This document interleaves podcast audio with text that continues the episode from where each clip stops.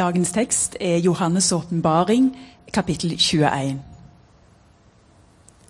Og jeg så en ny himmel og en ny jord. For den første himmel og den første jord var borte, og havet fantes ikke mer. Og jeg så den hellige byen, det nye Jerusalem, stige ned fra himmelen, fra Gud, gjort i stand og pyntet som en brud for sin brudgom. Og jeg hørte fra tronen en høy røst som sa:" Se, Guds bolig er hos menneskene. Han skal bo hos dem, og de skal være hans folk, og Gud selv skal være hos dem. Han skal være deres Gud. Han skal tørke bort hver tåre fra deres øyne, og døden skal ikke være mer, heller ikke sorg eller skrik eller smerte, for det som en gang var, er borte. Han som sitter på tronen, sa, Se, jeg gjør alle ting nye. Og han la til, Skriv det ned, for dette er troverdige og sanne ord. Så sa han til meg, Det er skjedd. Jeg er alfa og omega, begynnelsen og enden. Jeg vil gi den tørste å drikke av kilden med livets vann som gave. Den som seirer, skal få dette i arv, og jeg vil være hans Gud, og han skal være min sønn. Men de feige, de vantro og vanhellige, de som myrder, driver med hor og trolldom, avgudsdyrkere og alle løgnere, deres plass skal være i sjøen som brenner med ild og svovel. Det er den annen død. En av de sju englene som hadde de sju skålene, fylt av de sju siste plagene, kom bort til meg og sa, Kom, jeg skal vise deg bruden, lammets hustru. I ånden førte han meg opp på et stort og høyt fjell og viste meg den hellige byen, Jerusalem. Den kom ned fra himmelen, fra Gud. Byen hadde Guds herlighet og strålte som den kosteligste edelsten, som krystallklar jaspis. Den hadde en stor og høy mur med tolv porter, og ved dem sto tolv engler. På portene var det skrevet navn. Det var navnene til israelsfolkets tolv stammer. Tre porter vendte mot øst, tre mot nord, tre mot sør og tre mot vest. Bymuren hadde tolv grunnsteiner, og på dem var det skrevet tolv navn. Det var navnene til lammets tolv apostler. Han som talte med meg, hadde en målestang av gull. Med den skulle han måle byen og dens porter og murer. Byen var bygd som en firkant, og den var like lang som den var bred. Med målestangen målte han byen. Den var 12 000 stadier lang og like bred og høy. Han målte også bymuren. Den var 144 alen høy, etter menneskenes mål, som også er englenes mål. Muren var bygd av jaspis, og byen selv var av rent gull, lik det klareste glass. Grunnsteinene i bymuren var prydet med edelstener av alle slag. Den første grunnsteinen var av jaspis, den andre var av safir. Den tredje av kalsedon, den fjerde av smaragd. Den femte av sardonyx, den sjette av karneol. Den sjuende av krysolitt, den åttende av beryll. Den niende av topas, den tiende av krysopras den ellevte av hyasint, den tolvte av ametyst. De tolv portene var tolv perler, hver port laget av en eneste perle. Gaten gjennom byen var av rent gull, gjennomsiktig som glass. Noe tempel så jeg ikke i byen, for Herren Gud, den allmektige, og lammet er dens tempel. Og byen trenger ikke lys fra sol eller måne, for Guds herlighet lyser over den, og lammet er dens lys. Folkene skal vandre i lyset fra byen, og jordens konger skal føre sine rikdommer dit. Byens porter skal aldri stenges etter dagen, for natt skal det ikke være der. Alt det dyrebare og verdifulle folkene eier, skal de føre inn i den. Men noe urent skal aldri komme inn i byen. Ingen som gjør motbydelige ting eller farer med løgn. Bare de som var skrevet inn i livets bok hos lammet. Slik lyder Herrens ord. Det er en eh, krevende oppgave å skulle lese og forstå åpenbaringsboken, sånn som vi nå har begynt å gjøre etter jul. Dette er den tredje temasøndagen om eh, dette. Og Jeg vet ikke om noen av dere opplever at dere har fått grep om noe av dette, at det gir en, en slags mening inn i vår tilværelse nå. For meg er det både utfordrende og så har jeg samtidig klart tror jeg, å ha et blikk på det med, med håp og forventning. Det er en voldsom realisme i eh, åpenbaringsboka. Noen vil kanskje si at eh, de aldri har sett så mye ondskap og vondt som utfolder seg, som det skrives om her. Men det er mennesker i verden som har gjort det, og det er mennesker som opplever det akkurat nå. Så på en måte så tenker jeg det er en veldig sann beskrivelse av en verden som ikke bare ble god, selv etter at Jesus døde og sto opp igjen fra de døde. Og I århundrets løp så har kristne stått i veldig mye forskjellige slags utfordringer. og Kristne har også falt, og kristne har også blitt en del av ondskapens konsekvenser. Og Av og til så er det vi som må ta ansvar for det. Og så tror jeg det er en egen bibeltime og en egen temaserie som kanskje vi skal jobbe litt med på en eller annen måte for å komme til rette med noe av dette som er krevende her, om det som kalles for Guds vrede. Snakket litt om det på kaffedrøs på Zoom sist søndag. men Det blir bare noen sånne små glimt, og så føler jeg at vi kommer ikke inn på å virkelig komme til rette med det som er skikkelig utfordrende her. Så det, det har jeg lyst til å komme tilbake til på et eller annet tidspunkt. Men jeg tror det er fortsatt en bok som hjelper oss til å vende oss om, som utfordrer oss på å vende oss om til den eneste som kan redde oss fra en verden som på mange måter ser ut til å gå under. Jeg lærte da jeg var liten at alle, alle vil vi ha med, vil vi ha med til himmelen. Barnesangen handler om at vi skulle et annet sted. Jeg tror vi lærer bl.a.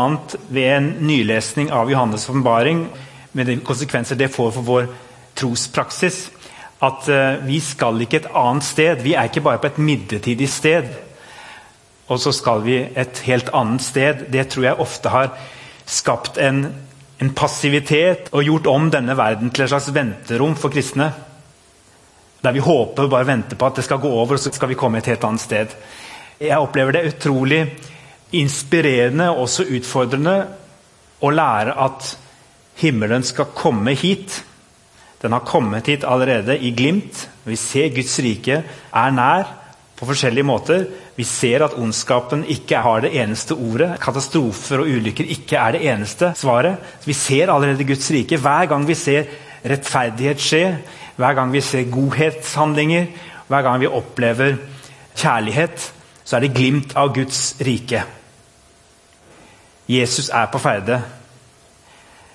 Men det som skal skje, det er at uttrykt med dette bildet av Jerusalem skal komme ned som en, byen skal komme ned her hvor vi er, og så skal det bli en ny himmel og en ny jord. Hvorfor er det så viktig å få fatt på? Jo, fordi det forteller noe om at det er Guds skaperverk som fornyes. Det er det han så var godt, som skal komme tilbake. Det er alt det vi kjenner som det gode, det skal bli fullkomment. Og Derfor vet vi på en måte også en del om hvordan himmelen kommer til å bli. Fordi vi erfarer godhet og rettferdighet og sannhet også i glimt her og nå. Da har vi noe å se fram til, og vi skal få lov til å, opplever jeg, være vitner om det her og nå. Ikke bare i form av ord, men også i form av handlinger. Ved å vise mennesker sånn kommer det til å være når den nye himmelen og nye jorda er her. Hvilken kraft dette her kan ha, det å vite at eh, noe kommer til å forandre seg, at siste ord ikke er sagt, men samtidig at det som skjer rundt oss, det sier Bibelen noe om. Det fikk jeg en påminnelse om da jeg var hos frisøren for to uker siden.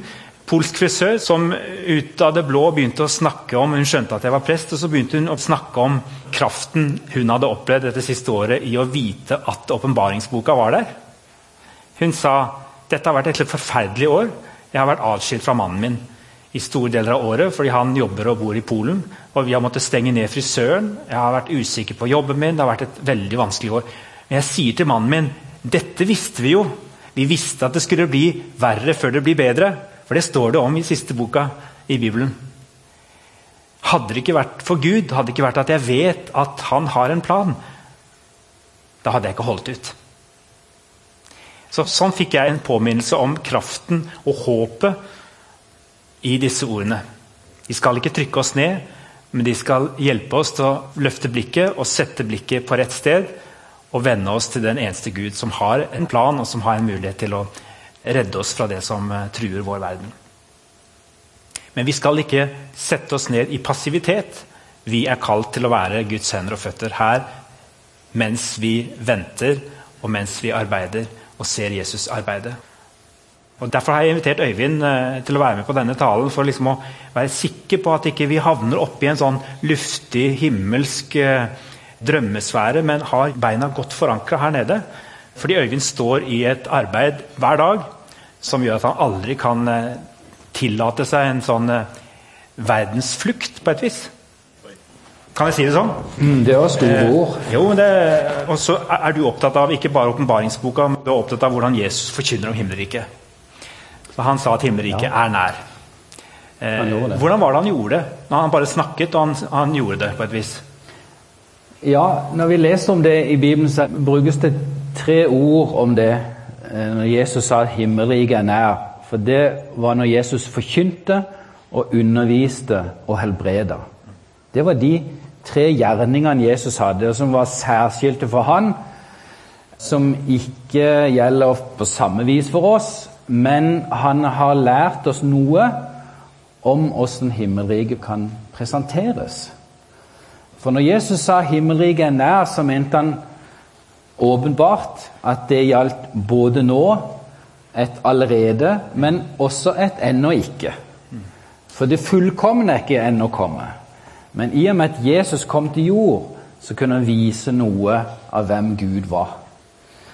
Og jeg tenker Hvis det er det vi kan gjøre som kristne, hvis vi kan vise ei lita flik av hvem er denne Gud som dere snakker om, så tror jeg vi har eh, kommet et lite steg på veien. Og jeg tenker at eh, Du nevnte om det med den visjonen til Den norske kirke. Mer himmel over jord. Ja, det tror jeg på. Det tror jeg vi alle kan være med på. Å vise noe av denne himmelen. Og jeg tenker Det var, det var ei som brukte et begrep om liv som lugger. Jeg syns det var et godt begrep. Det tror jeg de fleste av oss har kjent i en eller annen form. Når livet lugger, og ikke det er godt, når det er trøblete. Det er ikke sånn vi ønsker det. Og det er det en del av de som vi treffer, har opplevd. At livet lugger skikkelig. Det er vondt. Og da tenker jeg vi får lov til å være der, være til stede. Vårt arbeid starta jo med begrepet nærvær. Mm. og Det er litt uh, fint synes jeg, å, å koble det til når Jesus snakket om at himmelriket er nær. Vi tenker at vi kan være nær på vår måte, ikke på den måten Jesus var. Vi kan ikke alltid helbrede de situasjonene, men vi kan være ett bidrag inn i det som er vanskelig.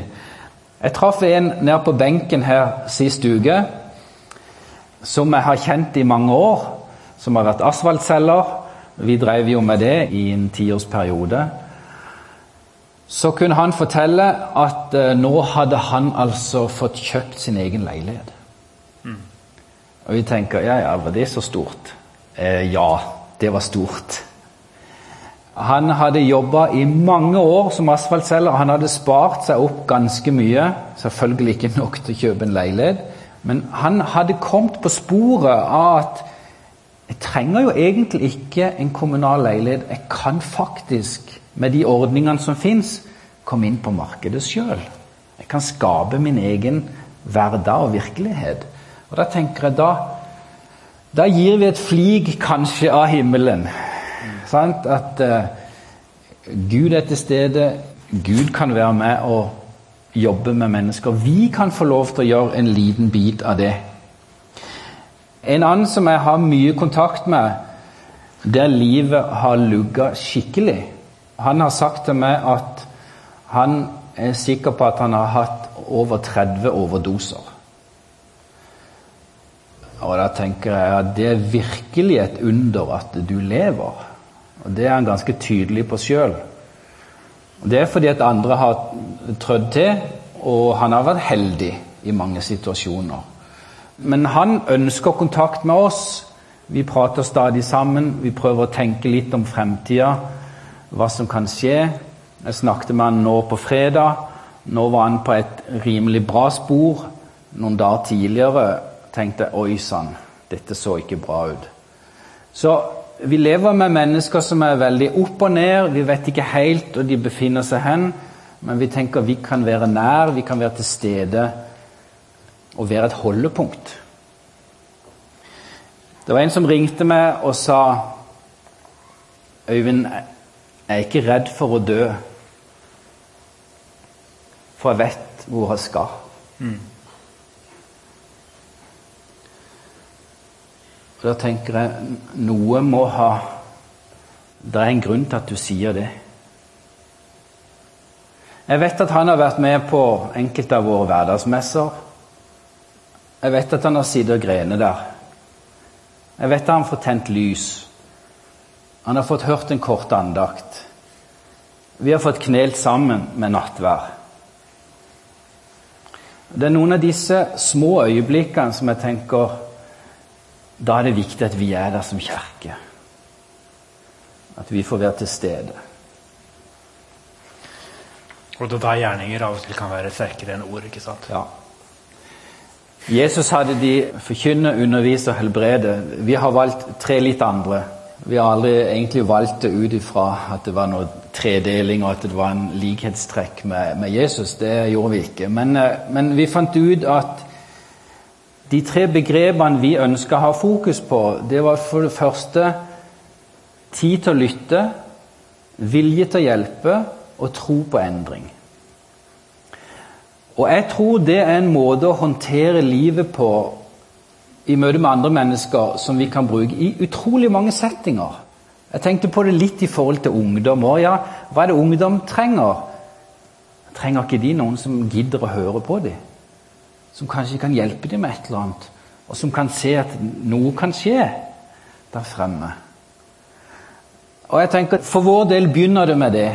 Hvis vi i det hele tatt skal være troverdige der ute i rusmiljøet, så må vi kunne sette oss ned. Vi må kunne si at ok, jeg, nå er det det jeg er interessert i. Nå vil jeg høre på de historier.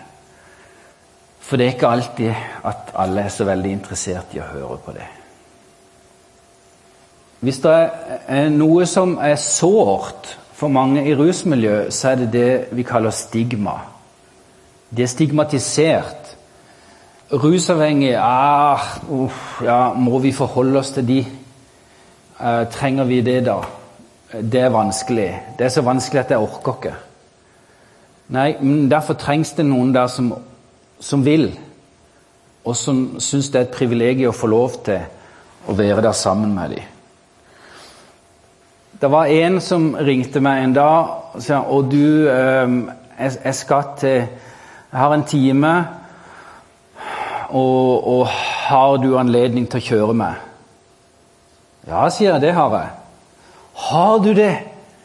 Nei, nå ble jeg varm om hjertet, sier han. Ja. sånn, tenker Ja, det var jo ikke så store greier enn det der. Men for han betydde det mye at det var noen som Både hadde vi en bil, og vi hadde tid til det. Eh, og, og det er noe av vår forse at vi, vi har sagt at vi skal ha tid til å være litt sånn på hugget mm. når det er noe som er en utfordring. For de trenger jo å komme videre med det.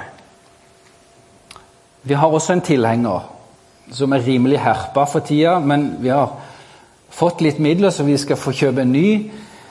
Det er noen av de som er i rusmiljøet, som er ganske flinke til å samle på ting. Veldig flinke. De samler så mye at det hoper seg opp. og Det er enkelte hjem som er nesten vanskelig å gå inn i fordi det er så fullt. Og noen er så flinke til å samle at de samler også på utsida. Og det blir altfor mye. Det blir brannfarlig, og ja, hele pakka blir vanskelig. Og han var vi hjemme hos en dag. Jeg tror vi kjørte to hengerlass med bare søppel. Mm.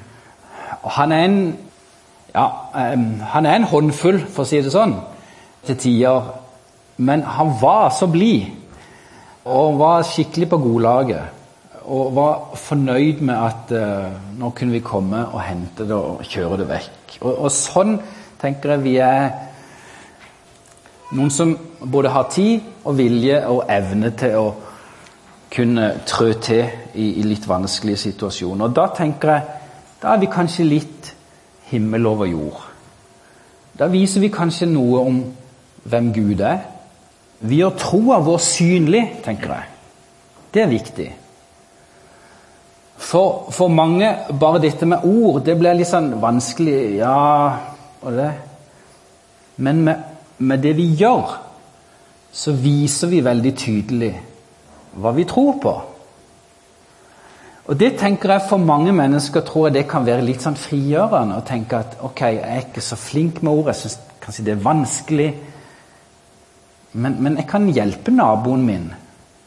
Jeg kan skuffe litt snø, eller jeg kan bake noen boller, eller jeg kan gå tur med hunden, eller Altså Masse som viser at vi rett og slett bryr oss. Jesu kjærlighet preger våre liv, sånn at vi kan vise en, en flik av himmelen. Det er inspirerende, syns jeg. Og vi fikk også være med å kjøre eller å flytte for en av de siste som flytta ut av bedriftshotellet. Det er jo et begrep i Sandnes, ikke sant? Det har vært masse debatt, både politisk og i avisene, om dette. Og jeg er glad for at de får flytte ut derfra, for det Ja, og jeg er spent på hvordan det kan bli fremover. Men jeg tenker gjerningene våre, de kommuniserer. De kommuniserer til mennesker rundt oss. De kommuniserer til de pårørende. Jeg hadde telefon her på fredag og litt eh, SMS med noen pårørende der jeg kunne fortelle at ja, jeg har vært i kontakt med den som de var pårørende til, og de var veldig glad for det. Det kommuniserer at vi har tid til å gjøre det, at vi vil gjøre det. Det kommuniserer også utad, tenker jeg. Det er litt interessant. Det er noe som vi har snakket litt i denne fundraiser-gruppa. Det kommuniserer til næringslivet. For oss, Hvorfor er det sånn at når jeg ringer til noen bedrifter og sier kan dere støtte arbeidet vårt, kan dere kjøpe noe lodd De koster bare 1000 kroner, så det er ikke så mye. Hvorfor er det sånn at en del av de sier ja uten å kjenne noe særlig til arbeidet vårt? Kanskje ikke heller til kirka. Men de tenker å ja, det er noen som jobber i rusmiljø. Det er bra. Det vil vi støtte. De støtter kirkas arbeid. Sant? De støtter oss med prester og diakoner. Det er interessant, den samfunnspåvirkninga vi har med et sånn type arbeid. Våre gjerninger som menighet eller som kirke det kommuniserer også til politikerne. Og Det er jo interessant. Politikerne ser at kirka tar et ansvar inn i rusmiljøet inn i vanskelige livssituasjoner. Og det tror jeg har betydning for hvordan politikerne kanskje kan få øynene opp for menighetenes arbeid videre. Jeg tror det har en større effekt enn bare akkurat gjerningene. Selv om det gir mer himmel over jord, ja, og det gir en innsikt som mange kan trenge. Gjerningene gjør oss troverdige. Og det trenger vi eh, i samfunnet i dag.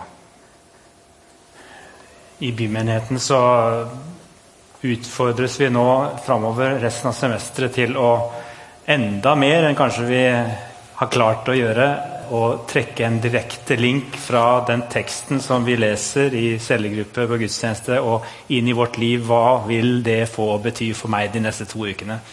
Hva er den konkrete handlingen jeg kan med mitt liv være med å gjøre de neste to-tre ukene i lys av en bibeltekst. Det vi kaller for 'fra ord til handling', 'operatio divina'. Jeg var veldig glad for at du ba om å få sette fokus på dette i, i innlegget ditt, i talen din i dag, fordi da fikk vi den gode overgangen fra åpenbaringsboka og inn i det som blir temaet vårt videre. Det kan jo virke litt sånn overveldende å tenke at eh, vi alle sammen skal sette oss ned på benken i på Ruten. Og vi er veldig glad for at vi har noen sånne sagt. sendebud, sendebud som gjør det, og den jobben dere gjør. Men du er litt opptatt av eh, ungdommene, brenner litt for det. Og der er det jo på en måte noe Vi møter alle disse menneskene som ikke er på benken enda. Kan ikke du si litt om det til slutt? Jo, altså Som kanskje noen av dere husker, så har vi hatt et, et samarbeid med Vågen videregående skole i ja, 16-17 år. Vi har hatt nærværforestillingene der Vågen videregående har alt det kunstneriske med musikk, dans, drama, og vi har det tekniske ansvar og får inntektene av dette. Det samarbeidet har ført til at vi har hatt noen samtaler med de nede på skolen, med ledelsen. Og de sier at ungdommene der nede har vært tydelige på at de ønsker seg trygge voksne å snakke med. Og det betyr jo ikke at ikke de kan snakke med lærere eller helsesøster eller hvem det skulle være, men det er sannsynligvis ikke den kapasiteten til det. Og det er tross alt 1000 elever der nede. Så for å gjøre en lang historie kort Det har ført til at vi nå ganske snart skal lyse ut en ny stilling. I utgangspunktet en prestestilling. Vi kaller det byprest for ungdom. Som skal jobbe målretta i forhold til videregående skoler i Sandnes. Og vi har snakket med alle rektorene både på Vågen, på Gann og på Sandnes videregående. Og på de tre skolene er det 3000 elever. Nå får vi en anledning til å være med i samtaler med elevene. Åssen det skal bli i praksis, det vet vi jo ikke helt ennå. Men poenget er at eh, vi skal inn på den arenaen som kalles livsmestring. Og hva vil det si? Ja, det dreier seg om hele livet. Sant? Rett og slett å kunne snakke med elever om åssen har du det? Hva ønsker du deg? Hva er utfordringene? Hva kan eventuelt gjøres? Det kan være at vi skal jobbe noe også mot, mot russen. Vi har veldig gode eksempler fra et kirkelig arbeid i Bærum som heter 1320. Bare ett eksempel fra det de har gjort der. De har et samarbeid med handlesentrene der. Det hender jo rett som det at ungdom blir tatt i nasking. Da får ungdommene to valg. Enten blir du politianmeldt, eller du skal ha tre samtaler med 1320. Og det er diakoner som jobber i kirka. Så vi kommer helt sikkert til å ha en studietur hen der for å se hvordan de jobber. Selv om vi er ikke nede i 13-årsalderen, vi er litt høyere. Men, men dette er jo et, et godt eksempel på at ei utfordring i samfunnet er faktisk noe vi i kirka både har kompetanse på og mulighet til å gjøre noe med. Så vi er veldig spent på akkurat det. Har dere gode kandidater dere vet, som eh, er prest, eh, så tips meg gjerne. Og jeg tenker vi trenger ikke ha en nyutdanna 25-åring. Vi kan godt ha en 30-40-50-åring. Men det er ett eksempel på at eh, vi som kirke veldig godt kan gå inn i utfordringer som fins i samfunnet nå. Takk skal du ha, Øyvind.